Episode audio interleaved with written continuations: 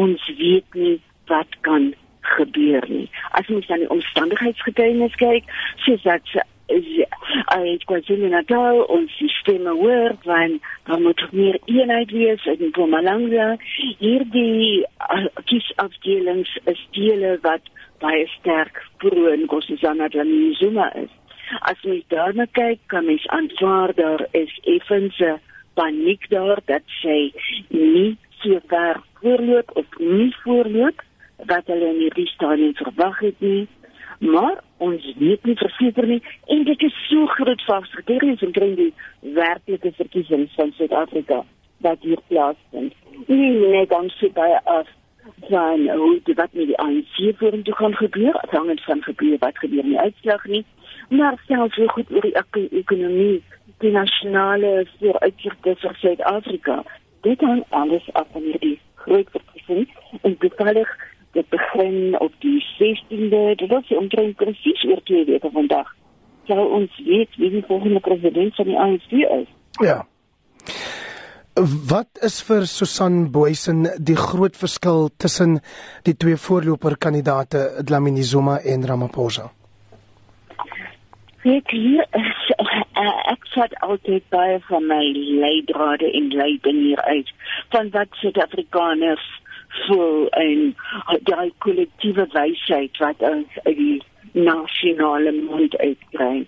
En daar is daar baie groot ooreenstemming tussen wat ons daar hoor en wat ons uit die media uit openbare debatte hoor. En dit is dat daar eenvoudig nie vertroue is in Cyril Ramaphosa dat hy bereid is om nou die breek te maak en sien die ANC en die regering moet skoon gemaak word.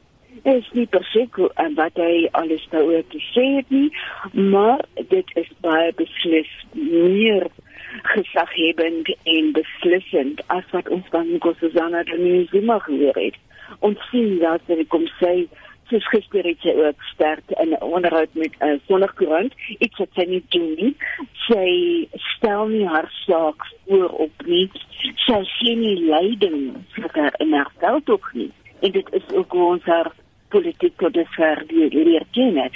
En daar het sy probeer sien, maar sy is baie sterk teen staatskaping president Jacob Zuma het ook gesê hy is baie sterk in staatskaping. So ons kyk na wie is bereid om leiding te gee en daar die vraagstukke daar ook voor te stel en beveg daarvoor baie sterk standpunt in te neem en daar um lyk dit by the plus of Ramaphosa bereid is om daardie goed aan te spreek. Dis interessant dat die standpunte wat hy inneem dan ook ooreenstem met wat uit die nasionale mond uitkom van in wie mense vertroue het in wat hulle vertroue het. En daar is baie 'n klein proporsie van Suid-Afrikaners wat glo dat Nkosazana Dlamini-Zuma die antwoord het daarvoor. En dit gee natuurlik onsiglike groot vrae daaruit oor hoe die ANC sal vaar en wat hierdie verkiesing wat nou in die ANC gebeur sou beteken vir die ANC as dit wanneer dit kom by 2019 verkiesing.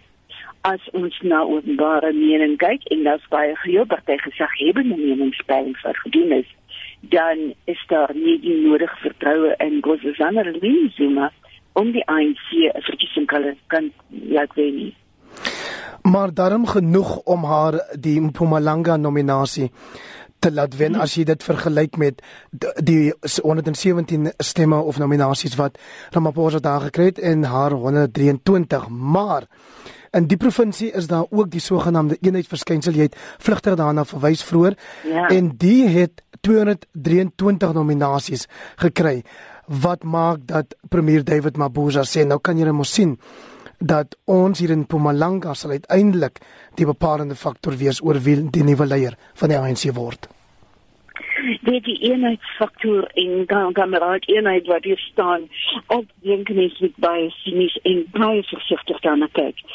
En dis nie deur eenheid op 'n benoemingspresie te stem is die manier wat eenheid bewerkstellig word nie.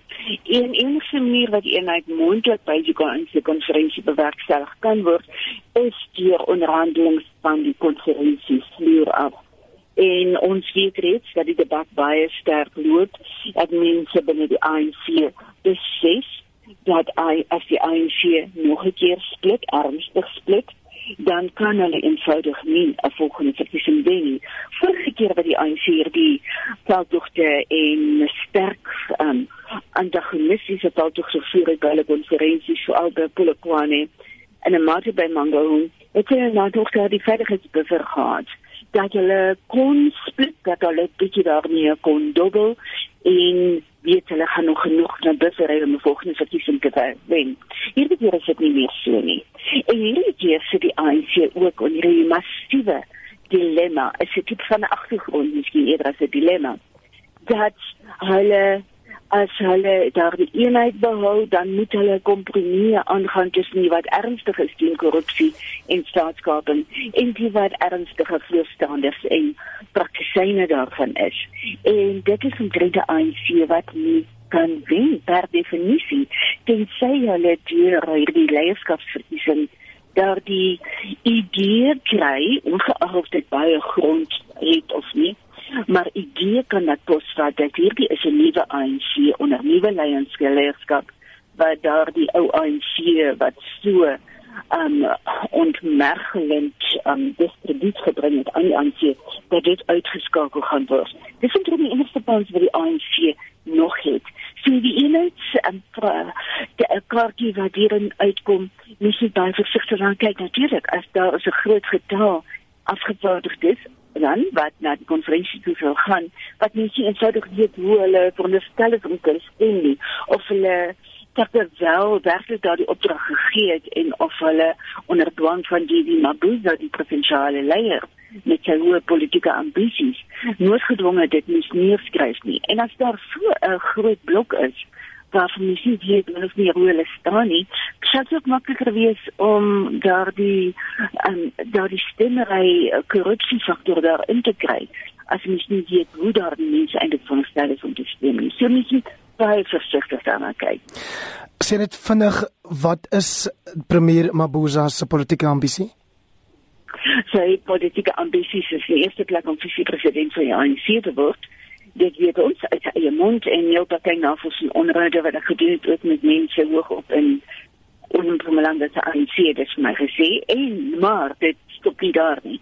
En 'n stadium met hy vir Ngosana Ganini dis immer gesê hy wou haar nie meer ondersteun dit waar hy begin het omdat hy bang was dat sy hom by Litulia House en sy hoofkwartier in Johannesburg sou los in die, in die nasionale regering se inneem en dit is waar hy baie meer strategies begin speel het want hy probeer niks vir die visie presidentskap van die ANC en dan van die land. En dit is natuurlik 'n baie groot tekortkoming in ons huidige veldtogte. Ons het nie 'n oog sterk genoeg op wie die visie president gaan word van die ANC nie. Want sies ons weet, hierdie persoon word nie outomaties die volgende kandidaat vir die ANC presidentskap nie, maar sy kandidaat het 'n baie sterk voorstand en dat hoe ander hoe ander kandidate en so dit is waar hier die subtiele uh, veld tog vir ons volgende president oor 5 jaar of oor 10 jaar waarskynlik nou hier onder ons hoe afspeel en ja. daar word nie genoeg aandag daaraan gegee nie So dit is opvallend as jy praat van 'n adjunk president professor Boysen dat adjunk president Ramaphosa se voorkeur verkiesingsmaat soos minister Naledi Pandor wat hy as sy adjunk voorstel nie werklik impak maak lyk dit my wat die nominasies aanbetref nie. Kortliks. Ja, dit dit dit is baie interessant. Sê is so ver nie op die stembrief nie van op die stembrief te wees moet jy die meerderheid uit ten minste een van die provinsies hê ek sê is nie daarop nie. Um, en Kenya Dami Lendiwe Sisulu en Didi Mabuza is die twee mense wat so ver meerderhede uit sekere van die provinsies het. Um, en dus op daar die stembrief is die visie-presidentskap sal wees. En ek dink ons het nie volgende twee weke baie baie sterker aandag nodig aan wie moet die beste kandidaat daar sou wees Jy het vroeër gehoor in die bydraes wat ons gespeel het dat Sisle Zigalala van die ANC in KwaZulu-Natal sê asseblief fokus op beleid nie net op watter kandidaat die nuwe leier gaan word nie. Is dit wensdenkery aan sy kant?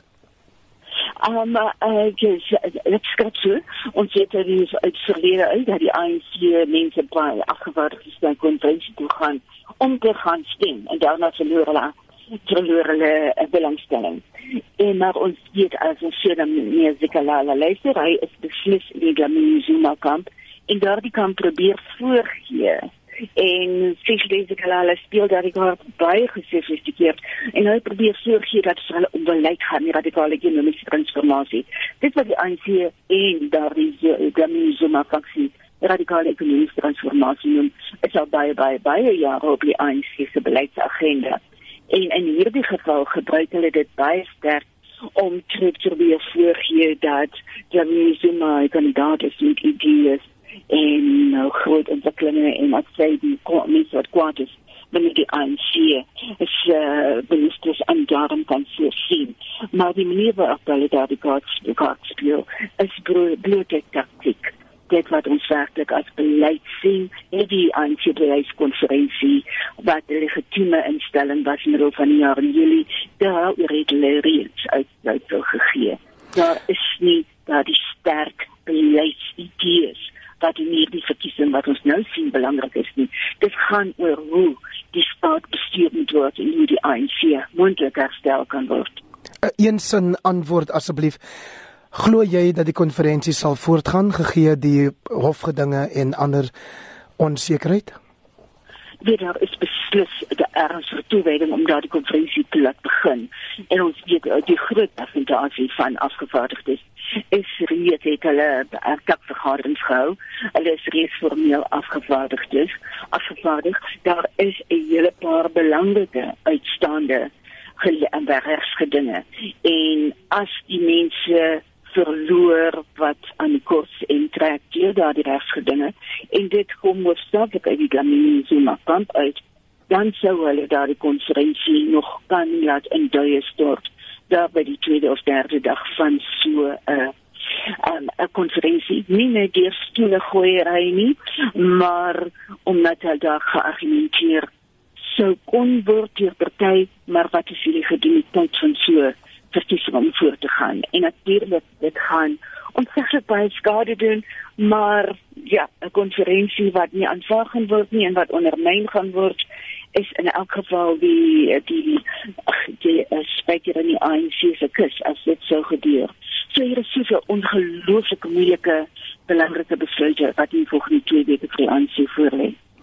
Dit is altyd groot waardering vir jou insette professor Susan Boysen as 'n politieke ontleder by Wits Universiteit en ons sal beslis in die komende dae weer op haar nommer druk.